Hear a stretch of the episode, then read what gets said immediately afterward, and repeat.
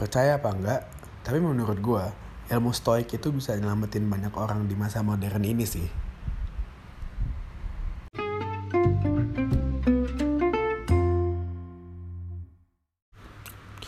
Selamat datang kembali ke podcast Pulang ke Rumah bersama Galvin Aul Podcast yang isinya tentang apa yang ada dalam otak gue Apa yang gue pikirin, apa yang pengen gue omongin Karena pada dasarnya rumah itu bukan hanya tempat kita tinggal atau tempat kita pulang dari perantauan Tapi rumah itu juga bisa menjadi wadah tempat kita bercerita seperti podcast Pulang ke Rumah ini. Apa kabar kalian di sana? Semoga hidup baik-baik saja.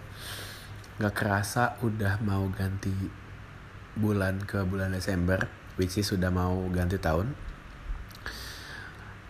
Dan gue ngerasa tahun ini tuh cepat banget gue ngejalaninnya. Secepat itu jadi kalau misalnya gue narik ke 2020 jadi fasenya adalah 2020 itu gue fakta banget gue ngerasa hancur banget di 2020 lalu di 2021 gue mulai ngebuka diri lagi gue mulai banyak belajar lagi. Ngelanjutin di 2022 pelajaran yang gue pelajari di 2021 gue banyak gue makin banyak belajar lagi gue makin banyak ketemu orang lagi makin banyak banget dapat pengalaman dan di 2022 ini selain gue belajar gue juga banyak dapat ujian juga. Yang di mana pelajaran-pelajaran yang gue pelajarin itu ibaratnya diuji lah di 2022 gitu. Uh, lalu ada satu fase di mana gue tuh uh, bisa gue bilang apa ya kayak susah menemukan ketenangan gitu susah menemukan kebahagiaan gitu. Uh, ini ada saksi hidup ya teman gue namanya Kesha. Dia tuh teman gue dari SMP dari 2011 udah temenan sama gue udah 11 tahun gue temenan sama dia. Uh, jadi tuh gue tuh sangat-sangat kental sekali dengan prinsip gue tuh bahagianya gue tuh ada pada orang lain itu tuh bertahun-tahun gue jalanin prinsip itu. Itu kenapa di zaman SMA kuliah bahkan akhir-akhir ini bahkan di tahun ini gue masih ngerasain kayak gitu. Dan akhirnya gue jadi susah apalagi di akhir-akhir ini ya gue jadi susah mendapatkan ketenangan dan kebahagiaan gitu. Karena di dua tahun terakhir khususnya gue tuh makin menipis tuh uh, gue punya teman gue punya lingkungan gue punya habit itu tuh makin menipis gitu loh uh, manusia silih berganti gue merasakan uh, adanya pendewasaan dalam lingkungan pendewasaan dalam hidup. Uh, yang di mana itu hal terbuat adalah orang datang silih berganti. Dan repotnya adalah prinsip gue itu adalah bahagia gue di orang lain. Sampai sampai sebenarnya gue belum tahu si ilmu ini. Jadi seperti yang ada di intro gue tuh pengen ngebahas tentang ilmu stoik tapi gue bukan stoikisme. Karena stoik itu sangat dalam banget dan sangat susah sekali menurut gue menjadi stoik. Ini aja gue masih belajar makanya gue bilang gue itu bukan stoikisme tapi banyak pelajaran atau banyak pemikiran pemikiran-pemikiran para stoik yang bisa gue bilang tuh bermanfaat banget di hidup gue gitu loh apalagi dua bulan terakhir ini. Uh, jadi sebelumnya tuh gue belum tahu nih ilmu stoik apa tapi di sekitar bulan April atau Mei gue tuh bener-bener coba untuk bener-bener ngelepasin apa yang jadi beban gue gitu. Jadi gue coba untuk ngerelain kayak ya udah kalau misalnya emang gue saat itu ya kalau misalnya emang gue nggak bisa bahagia lagi ya udah nggak apa-apa. Gue sedesperate itu tuh. Kayak gue nggak arogan gue nggak idealis lagi. Gue bener-bener kayak ya udah gue gini apa adanya lu mau terima gue oke okay, nggak mau juga oke. Okay. karena dulu gue masih memperdebat memperdebatkan ke dalam diri gue kayak anjir kenapa gue nggak diundang ke nikahan lo ya? Kayak gitu. Anjir kenapa gue begini ya? Kenapa gue lu nongkrong pada gue nggak diajak ya? Kayak gitu. Padahal dulu kita bareng-bareng have fun bersama kayak gitu. Terus kayak anjir lu dulu ada di posisi terpuruk tapi gue ada tapi kenapa sekarang di saat gue di posisi terpuruk gue kalian gak ada atau lu nggak ada kayak gitu. Nah jadi gue tersiksa banget dengan hal-hal seperti itu dan gue yakin banget manusia-manusia modern pada saat ini juga merasakan hal yang sama. Banyak banget pasti gue yakin banget. Karena gue coba menyelami dunia medsos ya ini nggak nggak terlepas dari medsos ya nggak jauh-jauh dari situ permasalahannya itu pertemanan dan percintaan tuh ya pokoknya yang hubungan dengan manusia tuh nggak jauh-jauh dari itu. Ekspektasi dan kayak harapan lah gitu. Lalu uh, nggak tahu kenapa datangnya dari mana. Intinya adalah gue tiba-tiba merelakan itu semua dan rezeki dan ketenangan itu datang silih berganti gitu loh. Ketenangan tiba-tiba datang gue nggak tahu kayak tiba-tiba aja gitu gue tenang kayak gitu loh. Uh, terus tiba-tiba ada peluang ada rezeki datang dan seterusnya gitu. Karena ya nggak menutup nggak menutupi diri bahwasannya di saat gue tidak mendapatkan ketenangan dan kebahagiaan peluang peluang yang menciptakan rezeki itu juga tertutup pada saat itu. Lalu uh, akhir-akhir ini gue berjalan dengan itu kan tanpa tahu ternyata itu cukup uh, apa namanya cukup relate dengan si ilmu stoik ini. Nah akhir-akhir ini gue coba untuk uh, surfing lebih dalam tentang si stoik ini. Uh, gue mendapatkan dua poin penting dari hal fundamental yang ada di ilmu stoik yang beneran bikin gue tuh kayak anjing nih pakem banget nih di diri gue kayak gitu. Dan bikin gue akhirnya mendapatkan ketenangan yang cukup bisa gue bilang uh, dibilang seutuhnya iya tapi nggak bertahan lama. Belum lebih tepatnya belum bertahan lama. Karena gue juga masih dalam uh, bisa gue bilang de, uh, masih dalam fase transisi gitu loh. Uh, dari manusia yang tadi gue bilang yang apa apa dengan orang lain kayak gitu. Uh, terus juga kayak eksplorasi dan harapan tentang orang lain kebahagiaan dengan orang lain. Uh, pokoknya intinya tentang eksternal terus deh kayak gitu. Tentang orang lain orang lain dan orang lain kayak gitu. Ini gue juga masih dalam tahap transisi tapi dari hari hari ke hari dari waktu ke waktu itu makin baik kayak gitu loh. Uh, pengendalian gue yang dibantu dengan ilmu stoik ini kayak gitu. Jadi dua poin penting ini adalah dua poin dasar ya, fundamental nih, cakar ayamnya nih kalau lo bikin ini ya, kalau lo bikin rumah. Yaitu adalah poin pertama adalah uh, ada hal yang bisa kita atur dan ada hal yang nggak bisa kita atur. Jadi ilmu stoik ini tuh menggolongkannya menjadi dua faktor, yaitu ada faktor internal dan faktor eksternal. Nah, faktor internal itu sendiri adalah aduh botol gue jatuh faktor internal ini ini sendiri adalah uh, itu itu berkaitan dengan diri lo sendiri gitu sikap lo tindakan lo pemikiran lo ekspektasi lo pendapat lo perasaan lo. Dan faktor internal ini adalah faktor yang bisa lo uh, atur atau atau lo kuasain lah atau lo ya lu atur lah kayak gitu loh. Nah yang nggak bisa lu atur kebalikannya faktor eksternal. Nah faktor eksternal ini itu apa? Itu tuh yang berhubungan dengan orang lain kayak gitu pendapat orang lain komen orang lain ekspektasi orang lain tindakan orang lain sikap orang lain pemikiran orang lain perasaan orang lain itu tuh yang nggak bisa lu atur jadi ini cukup membantu gue untuk menyelesaikan masalah-masalah yang ada dalam hidup gue gitu loh.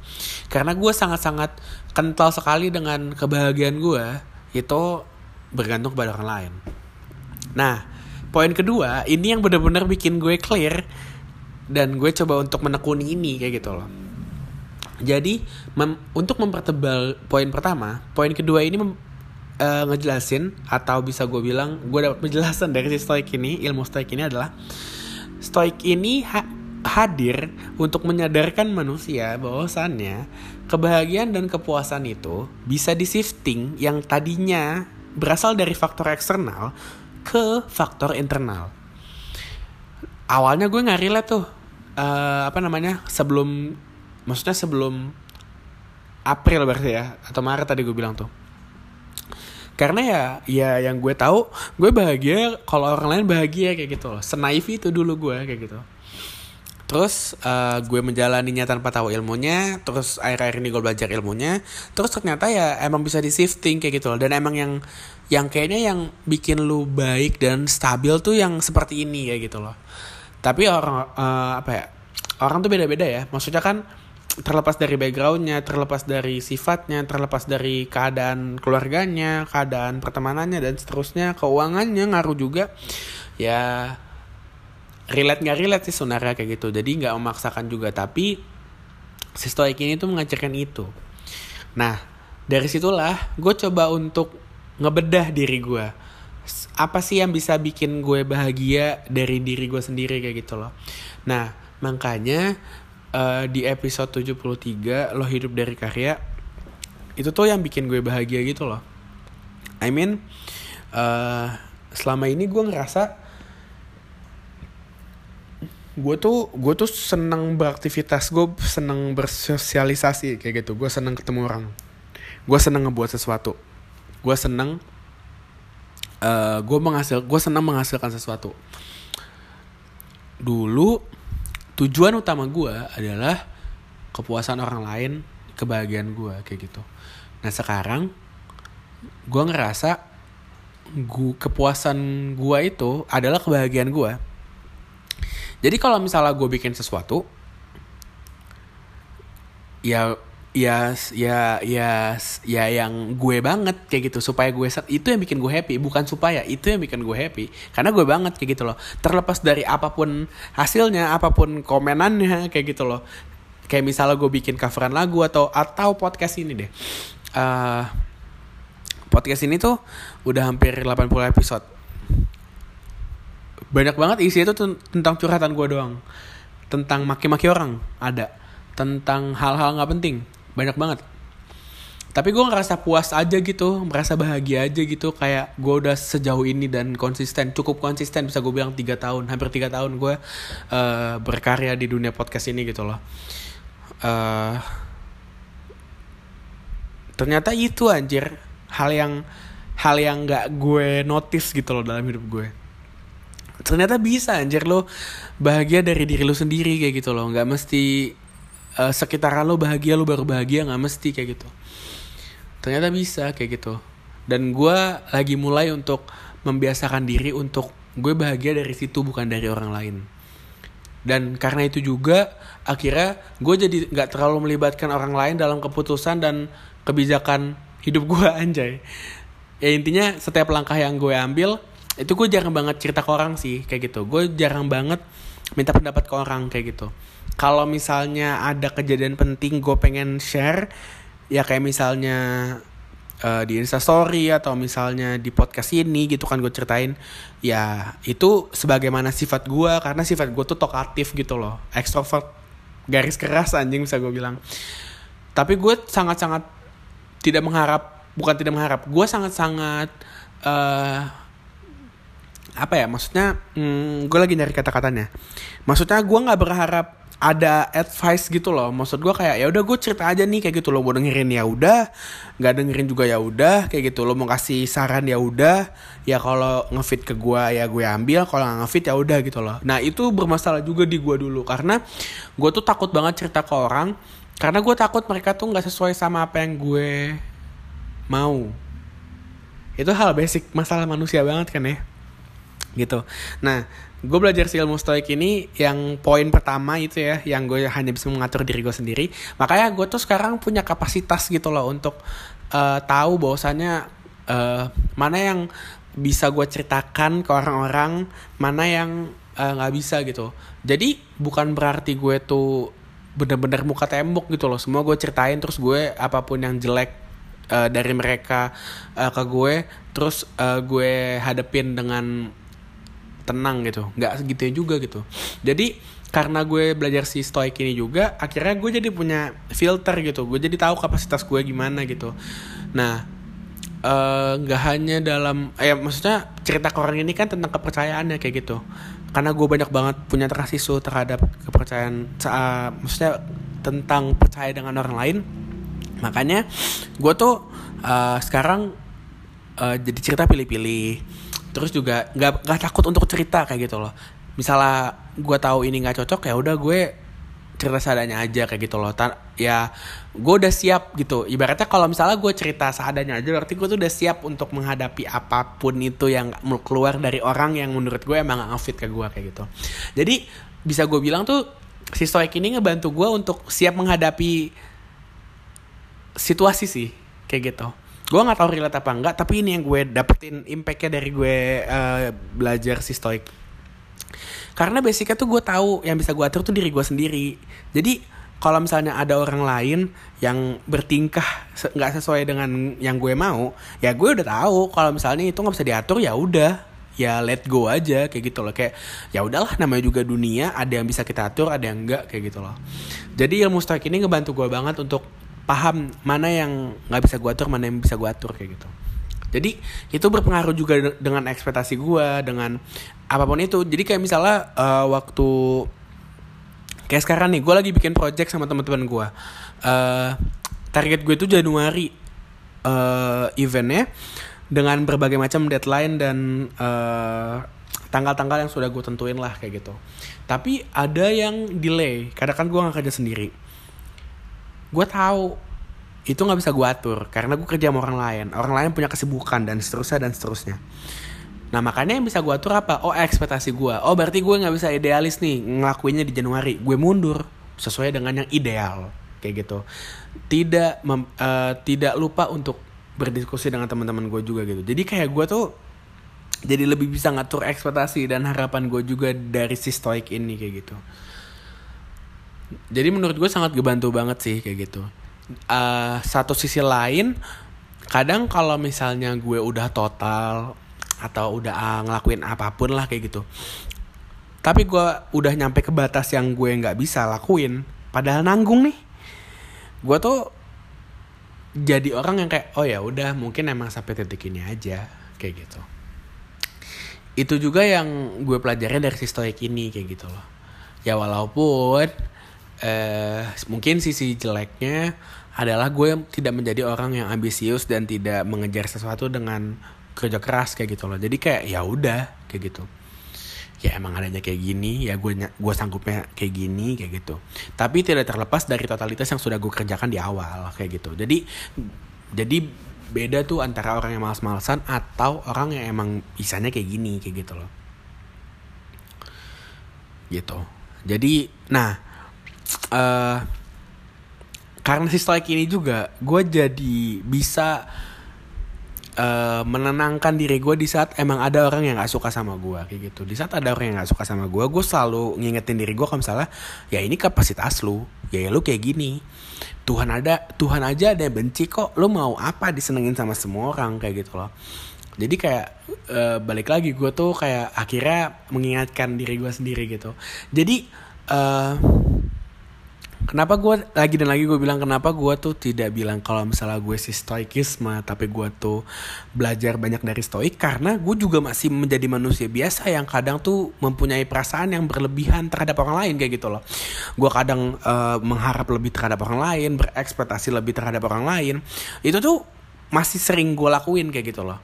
Sedangkan kalau misalnya stoikisme yang menurut gue secara utuh, secara raga dan jiwanya udah stoikisme, ya udah kayak gitu loh. Dia tidak akan mencapai batas yang gue alamin ini kayak gitu loh. Dia hanya sebatas kayak ya udah gue lakuin ini bodo amat terserah lu. Lu mau komen apa kayak kayak gitu loh. Gitu. Gue tuh belum bisa karena gue masih peduli terhadap orang lain kayak gitu loh. Tapi yang bisa gue bilang adalah si stoik ini menjadi barrier gue gitu loh di saat gue sudah kelewatan. Makanya gue bilang gue bukan stoikisme tapi gue banyak belajar dari stoik. Gitu. Nah terus uh, itu sih yang yang gue uh, rasain banget impactnya dari gue belajar si stoik kayak gitu. Gue tuh sekarang suka lucu gitu loh ngelihat stoik karena stoik itu sekarang bukan menjadi ilmu filsafat yang seutuhnya tapi bisa gue bilang menjadi tren kayak gitu loh. Banyak banget tuh orang yang ngaku stoik stoikisme stoikisme ilmu cukup ilmu cukup serba cukup gitu. Serba tahu gitu serba tahu apa yang harus diatur kayak padahal dalam pengaplikasiannya mereka tuh nggak seutuhnya seperti itu kayak gitu loh Uh, makanya gue sadar diri gue tuh masih jauh dari kata stoik kayak gitu. Eh gue gue masih jauh dari kata stoikisme gitu. Gitu jadinya. Uh, itu sih yang kayak yang apa ya yang bermanfaat banget bagi gue gitu. Itu yang ternyata di saat gue coba untuk uh, menjalani si stoik ini ya, Gak tau kenapa lebih tenang men. Asli Lebih tenang anjing. Karena apa? Karena lu bisa ngatur ekspektasi lo Lu bisa ngatur kemampuan dan apa kapasitas lu kayak gitu loh. Uh, Lu jadi punya satu value Satu integritas dalam hidup lu bahwasanya kayak lu sampai sini Lu kayak gini Gitu loh. Jadi gak break the limit kayak gitu loh. Lu bukan Lu bukan palu gada gitu loh. Lu butuh apa gua ada Nggak kayak gitu gitu. Jadi kayak ya udah lu kapasitasnya sampai sini kayak gitu loh. Itu yang bikin hidup itu lebih sehat anjing nyata gitu.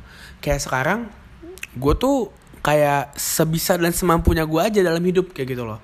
Jadi di saat gue punya mimpi gue punya cita-cita gue jalanin gitu loh untuk mengarah ke sana. Tapi di tengah jalan tiba-tiba gue terhenti dan kira-kira setelah gue lihat possibility-nya sudah nggak ada ya gue pindah jalur kayak gitu loh. Ya prosesnya tidak tidak bisa naif bahwasannya memang gue akan set down dulu gitu loh. Tapi ilmu lagi-lagi ilmu stoik inilah yang yang menyelamatkan gue kayak gitu loh. Dari keterpurukan gitu. Jadi ya balik lagi kayak ayo gali lagi apa yang bisa lu fokusin dari diri lu kayak gitu loh. Apa yang lu karena karena gini gue punya ego yang harus dikasih makan terus-terusan kayak gitu loh. Nah, ego gue ini uh, menimbulkan efek kebahagiaan buat hidup gue yang di mana itu akan menjadi positive vibes buat gue ke depannya jalannya kayak gitu loh. Nah, ngasih makan ego ini tuh banyak makannya kayak gitu kan. Maksudnya banyak makanannya gitu maksud gue pilihan makanannya banyak gitu loh. Nah, karena ilmu stoik ini, gue jadi tahu makanan yang bisa menghasilkan positive vibes buat ke depannya tuh apa ya? Itu apa kebahagi apa namanya kebahagiaan yang gue gali dari diri gue sendiri gitu loh. Gue jadi coba belajar belajar main gitar lagi jadi punya kepuasan diri sendiri. Jadi positif jadi jadi bagus lah. Gue coba untuk belajar hal-hal baru yang gue pengen. Gue coba untuk uh, meng mengskemakan sesuatu hal yang kalau misalnya gue udah punya sesuatu gue pengen bikin sesuatu yang lebih besar gue skemanya dari sekarang kayak gitu loh. Gitu. Dalam asumsi gue nabung konten, nabung ilmu, nabung pemikiran kayak gitu. Jadi itu yang gue kasih makan ego gue tuh. Gue kasih makan ego gue dari itu gitu. Jadi gue tuh gak munafik. Gue tuh juga orang yang penuh akan ego gitu loh. Gue sangat-sangat haus akan uh, kebahagiaan. Maksudnya haus akan apa ya? Gimana ngomongnya? Maksudnya haus akan inilah kayak uh, pencapaian kayak gitu loh. Nah makanya uh, pencapaian ini banyak nah gue ubah pencapaian itu ya bener-bener hasil diri gue sendiri. Gue gue meng, gue mengubah uh, kebahagiaan gue itu bukan gue mendapatkan sesuatu terus orang gue pamerin terus orang jadi uh, notice ke gue tapi gue lebih kayak gue harus nyampe situ. Kalau gue nyampe situ gue bahagia gue puas kayak gitu. Gue gue mengalihkan kebahagiaan gue di situ itu lagi-lagi berkasih stoik ini kayak gitu loh. Jadi dua hal penting hal fundamental yang gue pelajarin dan akhirnya menjadi basic hidup gue ke depannya insya Allah ya kayak gitu. Uh, karena gue juga masih pemula masih baru tapi alhamdulillahnya makin hari ke hari tuh gue makin karena makin karena karena lu interaksi sama dunia terus man maksud gue kayak ibaratnya nih ya kalau kata David Naif uh, sekarang David Bayu namanya. Karena Naifnya lagi bubar lu untuk menjadi permata lu nggak nggak bisa kalau lu nggak dipalu lu nggak digodam lu nggak bisa. Karena permata itu berawal dari batu. Kalau misalnya lu ketemu batu nggak lu palu nggak lu pahat nggak lu bentuk ya ibaratnya ya ujung-ujungnya hanya menjadi batu biasa kayak gitu loh. Tapi kalau misalnya dapat timpaan, dapat godaman, dapat dipukul-pukul terus, dipahat terus, dibentuk terus, ya ujung-ujungnya jadi berlian, jadi permata kayak gitu kan. Maksud gue adalah hidup tuh kayak gitu gitu loh. Lu akan terus mendapatkan ujian selagi lu bernafas kayak gitu. Nah, setiap ujian yang gue hadapin, gue coba untuk memasukkan si stoik ini dalam uh, setiap gue berpikir dan menghadapi masalah ini gitu loh. Makanya dari hari ke hari uh, gue tuh makin kereng gitu loh. Makin makin hitam ibaratnya. Kalau kerang itu kan kalau lu lagi ujian tuh lu buat buletin harus dikerengin ya. Nah, makin kereng tuh si stoik gue kayak gitu. Gitu karena gue selalu berhadapan dengan masalah dan masalah itu gue coba hadapin dan selesain dengan uh, secara stoik kayak gitu. Gitu jadinya ya alhamdulillah kayak gitu loh. Maksudnya gue mendapatkan kebahagiaan dan ketenangan yang cukup kayak gitu loh. Walaupun cara caranya itu ya dengan cara yang freestyle aja gitu loh. Yang menurut gue uh, ya udah yang fit ke gue aja kayak gitu gitu. Itulah kenapa gue tidak mau melabeli lagi-lagi gue cap gitu.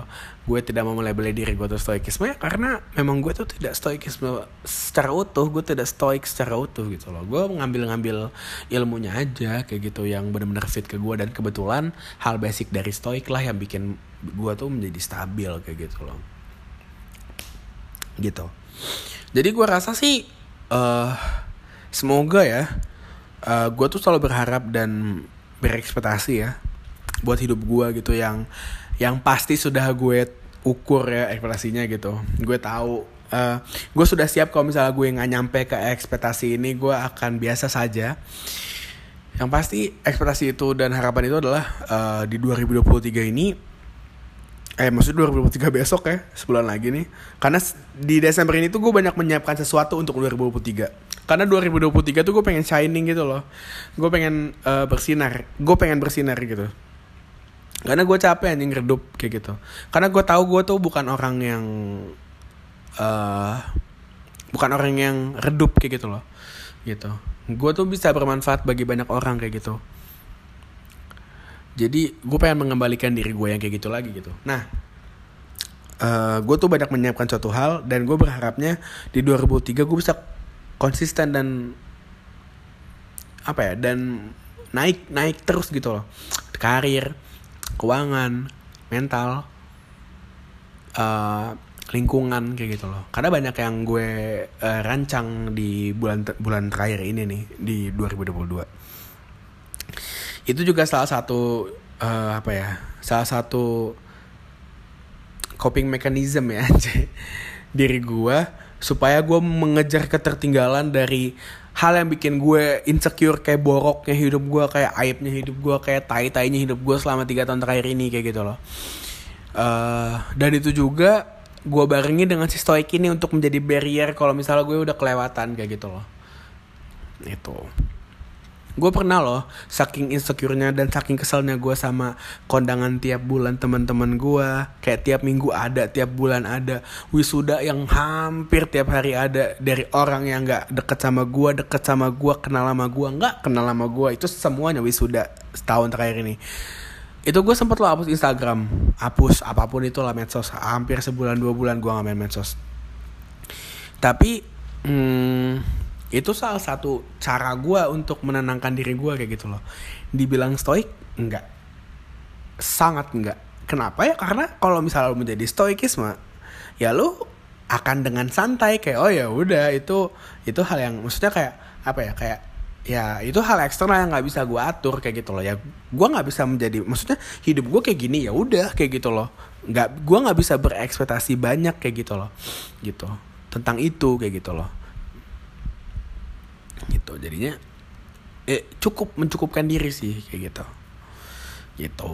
Tapi ya itu jalan yang gue lewatin kayak gitu. Makanya makanya uh, itu sangat tidak stoik kayak gitu kan. Harusnya harusnya biasa aja kayak gitu. Dengan dengan ketertinggalan gue harusnya biasa aja gitu loh. Tapi gue nggak nggak bisa kayak gitu loh. Gue kayak kesel kayak gitu loh. Kenapa gue kayak gini? Makanya dengan ada stoik dibayar tuh gue kayak gitu. Makanya sekarang gue bisa bermedsos dengan santai dengan nyaman karena di saat udah ke jurang ke pinggir jurang ada stoik tuh yang bikin pagar gitu. Ngingetin kayak ini kayak gini loh tenang aja lu kayak gini loh kayak gitu. Gitu jadi uh, gak bisa gue pikirin gak bisa gue pungkirin untuk merubah diri gue menjadi kayak kayak stoikisme itu susah sekali karena gue tuh berasal dari orang yang haus popular haus popularitas. Gue berasal dari kaum yang uh, apa ya kayak gue tuh orangnya vokal gue orangnya suka nyari atensi. Gue tuh gitu deh orangnya kayak gitu. Tapi dengan adanya ilmu stoik itu bisa gue redam tuh bisa gue minimalisir kayak gitu. Tapi sifat dasar gue kayak gitu gitu. Jadi gue menurut gue gue nggak akan pernah bisa untuk tidak uh, berharap dan berekspektasi terhadap orang lain kayak gitu loh. Tapi gue bisa mengatur itu untuk kebahagiaan dan ketenangan diri gue sendiri sekarang. Karena dulu hal-hal kayak gitu yang bikin gue nggak bahagia dan nggak tenang gitu. Jadi sesimpel itu sih men kayak gitu. Jadi yang pengen gue sampaikan adalah uh, gue tidak merubah diri gue gue tetap punya sifat jelek gue gue punya karakter diri gue sendiri yang kayak gini bentukannya kayak gitu loh. Tapi uh, ilmu stoik ini il, ilmu stoik ini tuh kayak nyelimutin gue gitu loh untuk selalu ngecover gue kalau misalnya gue udah kelewat batas gitu loh. Dan bahkan eh, nggak uh, selalu mengcover tapi kadang suka mencegah juga gitu loh. Jadi kadang dari jauh dari jauh-jauh nih gue udah ngeliat uh, ibaratnya si stoik ini kalau diumpamainnya stoik ini sebagai makhluk yang deket banget sama gue kadang kalau misalnya gue pengen ngelakuin sesuatu yang yang padahal belum kesampaian kadang stoik ini tuh udah ngingetin kayak eh kayak jangan kayak gini dah. Kayak gitu. Nanti lo kayak gini kayak gini kayak gini kayak gini gitu. Mendingan lo inget nih prinsip ini kayak gitu loh. Lo mendingan percaya sama diri lo aja nggak usah ngeliat orang lain misalnya kayak gitu.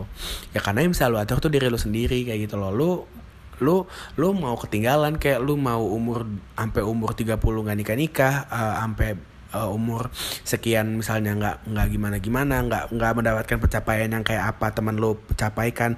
Dan bahkan kalau misalnya ada teman-teman lo yang ngecengin lo ya udah kayak gitu loh. Jadi kadang tuh gue berma gue mencoba untuk menaklukkan pikiran-pikiran yang sebenarnya tuh nggak nggak nggak sepenuhnya akan terjadi. Walaupun ada opportunity-nya untuk terjadi kayak gitu loh. Ada possibility-nya untuk terjadi kayak gitu. Jadi kayak uh, karena kadang biasanya itu kadang emang sekarang tuh normalnya adalah orang menjaga satu sama lain gitu. Cuman kadang celetukan-celetukan orang itu loh yang nggak terekspektasi gitu loh. Dan kadang ngebekasnya lama buat orang yang kayak gue kayak gitu. Yang overthinking yang pisces banget yang perasa banget gitu loh. Itu jadinya. Karena uh, eh, gue nggak gue nggak punya lingkungan yang tetap ya. Gue nomaden dan eh, gue sangat-sangat jarang sekali punya lingkungan akhir-akhir ini. Makanya gue survive dan struggle sendiri aja gitu loh. Gue berusaha untuk menenangkan mencari ya pokoknya apa pun itu ya serba diri sendiri gitu loh. Dan bahkan gue tuh sekarang tuh udah di titik di mana kayak uh, ini terlepas dari si stoik stoik ya. Jadi kayak uh, eh, gue kadang udah gue kadang mikir sekarang kayak uh, gue sendirian gue gue sekarang emang apa apa serba sendiri kayak gitu loh. Jadi kayak gue tuh udah nggak yang kayak gue butuh dia deh. Gue nggak bisa hidup tanpa lingkungan tanpa teman tanpa kayak enggak biasa aja. Maksudnya sekarang gue apa apa bisa sendiri kayak gitu loh. Tapi nggak menurut nggak nggak bisa dipungkirin bahwasannya gue tuh kesepian men. Kayak gitu. Makanya makanya kayak makanya kayak sebenarnya tuh ya apa sebenarnya sekarang gue bisa sendiri kayak gitu loh. Tapi kesepian inilah yang kadang gue jadi susah gitu loh untuk berkembang gitu untuk struggle untuk untuk apa pun itu. Karena gue maksudnya gini loh kalau apa-apa datang dari gua untuk gua itu terkesan ya nggak ada perkembangan karena ya lu belajar dari hal yang maksudnya kayak apa sih kayak diputar di lu, aja gitu loh. Lu nggak dapat impact dari orang lain dari sudut pandang orang lain. Karena itu butuh banget men asli. Lu butuh banget sudut pandang orang lain kayak gitu loh. Karena di, di, di dunia ini tuh nggak melulu tentang lo lu lu nggak selamanya jadi pemeran utama men kayak gitu. Lu perlu lu lu lu perlu orang orang di sekitar lu gitu loh. Ya tapi masalahnya adalah kadang nggak semua orang itu punya orang sekitar kayak gitu loh. Nggak semua orang tuh punya orang orang yang selalu ada buat lu yang kayak kalau lu kenapa-napa lu curhat ke dia lu lu lu uh, lu bisa langsung gitu loh. Gua dibilang gak ada nggak. Gua ada kayak gitu loh. Cuman nggak nggak selalu kayak gitu loh. Dan gue juga nggak apa-apa kayak gitu loh gue juga udah menempatkan diri. Gue kayak oke okay, kalau misalnya gue butuh sesuatu ya gue datang ke orang ini ya secukupnya aja kayak gitu loh. Gitu. Gue nggak tahu uh, kayaknya mungkin ini emang uh, fase pendewasaan aja sih dalam hidup kayak gitu. Maksudnya kayak di saat lo apa apa harus sendiri kayak gitu. Soalnya nggak relate sama gue kayak gitu loh. Karena teman-teman gue itu tuh so, itu tuh kayak ya udah aja gitu loh kayak mereka hidup normal. Lu ngerti gak sih? Gue kadang tuh nggak gue tuh kadang suka mikir tahu kayak kalau gue ngomong kayak gini gitu ya kayak kalau gue ngomongin pertemanan keluargaan kayak lingkungan sebenarnya tuh ini gue doang apa gimana kayak gitu loh. Karena gue ngeliatnya kadang teman-teman gue tuh baik-baik gitu loh. Ya, ada sih omongan ini klise banget nih. Kalau misalnya kayak omongan gue di counter gitu kayak ini gue doang apa gimana sih? Kayak gitu. Di counter kayak lu nggak ngelihat apa yang mereka rasain mungkin mereka bahagia tapi mereka nggak cerita cerita tai anjing. Maksud gue kayak kalau misalnya lu mikir kayak gitu terus ya ya lu akan selamanya terpuruk men. Kayak gitu aja kayak gitu. Makanya makanya pikiran itu tuh pikiran jahat anjing. Kayak gue tuh jarang banget mikir maksudnya gue coba untuk cegah-cegah lah pikiran-pikiran kayak gitu. Itu makanya makanya kayak gue tuh kadang uh, suka apa ya? Suka ngobrol sama diri gue sendiri gitu. Kayak yang tadi kayak ini gue dong apa enggak sih? Ya gue coba untuk meyakinkan diri gue kayak ya kayaknya lu doang dah. Kayak gitu. Karena dari sudut pandang gue kayak gue ke beberapa teman kayak ngeliat mereka keluarganya oke okay, utuh. Terus pendidikannya oke okay, jalan. Terus mereka punya lingkungan dan teman yang memang tahu mereka dan nggak ke mana-mana ada terus diajak terus nongkrong terus kayak gitu loh. Terus pacar ada yang di mana berarti lu punya satu orang yang tetap ada sama lu kayak gitu loh. Dan itu yang nggak pernah gue maksudnya dua tiga tahun terakhir tuh gue nggak dapetin anjing kayak gitu. Baik dari segi yang tadi gue bilang ya keluarga pendidikan kak pakai hidup lo kayak gitu uh, lingkungan lo pacar apa segala macam pertemanan. Itu yang gue dapetin tiga tahun terakhir men. Makanya uh, gue tuh gue tuh memang kayak udah ngedeklar diri gue aja gitu loh untuk untuk kayak berpikiran bahwasanya kayak oh emang gue doang kali ya kayak gitu. Dan gue baik lagi ya udah nggak apa-apa kayak gitu. Even nanti ada orang lain yang bilang kayak nggak lu doang lu jangan merasa paling beban sedunia. Ya ya udah itu pendapat lo pemikiran lo gue nggak bisa atur ya udah kayak gitu loh. Kayak gitu. Jadi maksudnya ya ini pemikiran gue gue juga nggak ngerugiin lo. Ini juga juga tenang dengan diri gue yang kayak gini ya udah kayak gitu loh. Jadi sesimpel itu sesederhana itu titik sampai situ kayak gitu loh. Jadi kayak nggak mau ngambil pusing sih gitu. Makanya mungkin kalau misalnya bisa gue bilang stoik ini sangat sangat sangat mirip sekali dengan soleh solihun kali ya. Karena soleh solihun tuh bener-bener ya udah flat aja gitu anjing. Kayak ya begini ada aja ya cuma nanya ya kan saya jawab kayak gitu gitu hidupnya anjing. Jadi kayak uh, tapi tapi manusia secara normal ya pusing-pusing ngedumel ngedumel tapi ya udah gitu loh. At the end of the day uh, yang mengatur ini adalah si stoik kayak gitu loh si ilmu stoik kayak gitu. Ya bagi gue ya kayak gitu. Dan mungkin bagi beberapa orang yang terlihatnya hidupnya tuh kayak ya udah flat aja gitu. Mungkin mereka juga juga memakai atau banyak belajar dari si stoik ini sendiri gitu.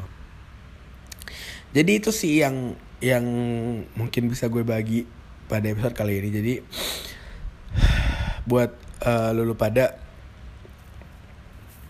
ini agak berat sih kalau misalnya lo nggak nggak relate dan masih menolak bahwasannya bukan menolak ya mungkin gak fit gak ngefit bukan gak sehat ngefit in gak nggak cocok sama lo gitu. Mungkin yang gak cocok sama lo emang gak bakal relate kayak gitu. Cuman kalau misalnya orang yang kayak gue gitu ya yang yang pokoknya yang tadi gue udah sebutin lah kayak gitu yang yang kayak gue orangnya extrovert pemikir perasa kayak gitu. Ini cocok banget sih buat lo coba belajar tipis-tipis kayak gitu loh untuk uh, ngambil hal-hal penting hal, -hal basic dari si stoik ini sendiri gitu. Karena uh, buat gue pribadi ini sangat ngebantu gue banget untuk gue ngejalanin hidup kayak gitu loh dalam uh, ngebikin barrier dalam berpikir dan berperasa kayak gitu. Jadi uh, terima kasih buat uh, para para budak zaman dahulu. Karena seinget gue uh, dari tiga tiga pendiri enggak lah tidak tiga pemrakarsa bisa gue bilang kali ya tiga pemrakarsa stoikis eh iya tiga pemrakarsa stoik itu salah satunya dia budak soalnya. Gitu jadi ya terima kasih lah. Uh, sudah menciptakan ilmu ini ya gitu. Tapi juga ya anjing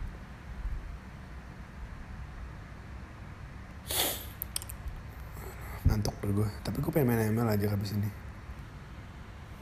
Gue tuh lagi ngepus ngepus banget ML gitu jadinya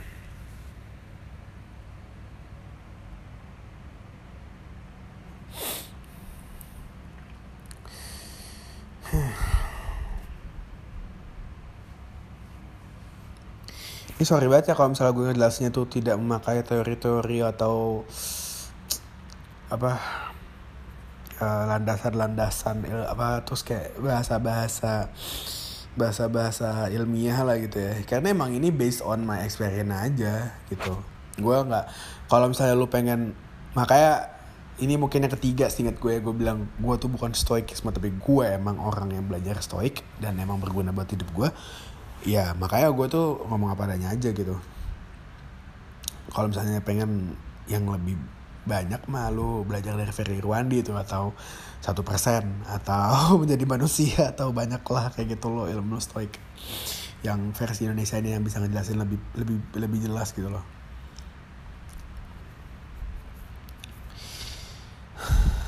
Gitu jadinya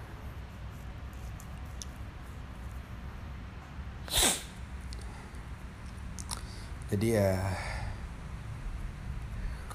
terima kasih kali ya yang udah dengerin sampai sini gitu.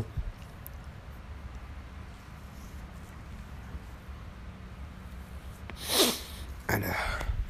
Sebenarnya lebih dalam lagi sih kalau misalnya belajar ilmu stoik tapi dua poin tadi tuh uh, poin yang mengendalikan lu tahu apa yang bisa lu kendaliin dan lu bisa ternyata lu bisa memetakan kebahagiaan lu itu nggak dari eksternal tapi dari internal lu dan bahkan lebih baiknya seperti itu itu dua hal penting yang gue belajar dari stoik yang mungkin lu bisa pelajarin juga lebih dalam dan mungkin bisa lo aplikasiin ke hidup lo supaya hidup lo lebih tenang dan lebih bahagia aja sih gitu. Jadi ya terima kasih yang udah dengerin sampai sini. Uh, gue doain semoga lo dan keluarga lo sehat selalu. Uh, gue mohon maaf kalau misalnya ada salah-salah kata uh, doain terus uh, buat kita semua. Semoga rezeki dan apa pun yang sedang kita cita-citakan dan kita usahakan itu berjalan lah semuanya kayak gitu. Karena jujur gue banyak banget rancangan uh, buat diri gue sendiri untuk kebahagiaan gue sendiri. Gue menyiapkan kebahagiaan untuk kelak nanti gue bersusah-susah payah sekarang karena gue ngerasa gue sudah banyak ketertinggalan.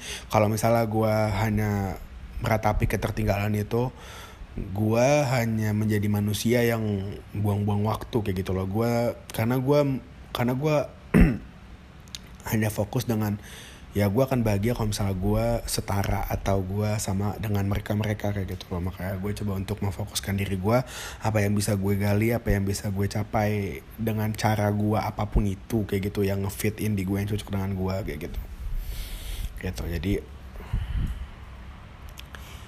ya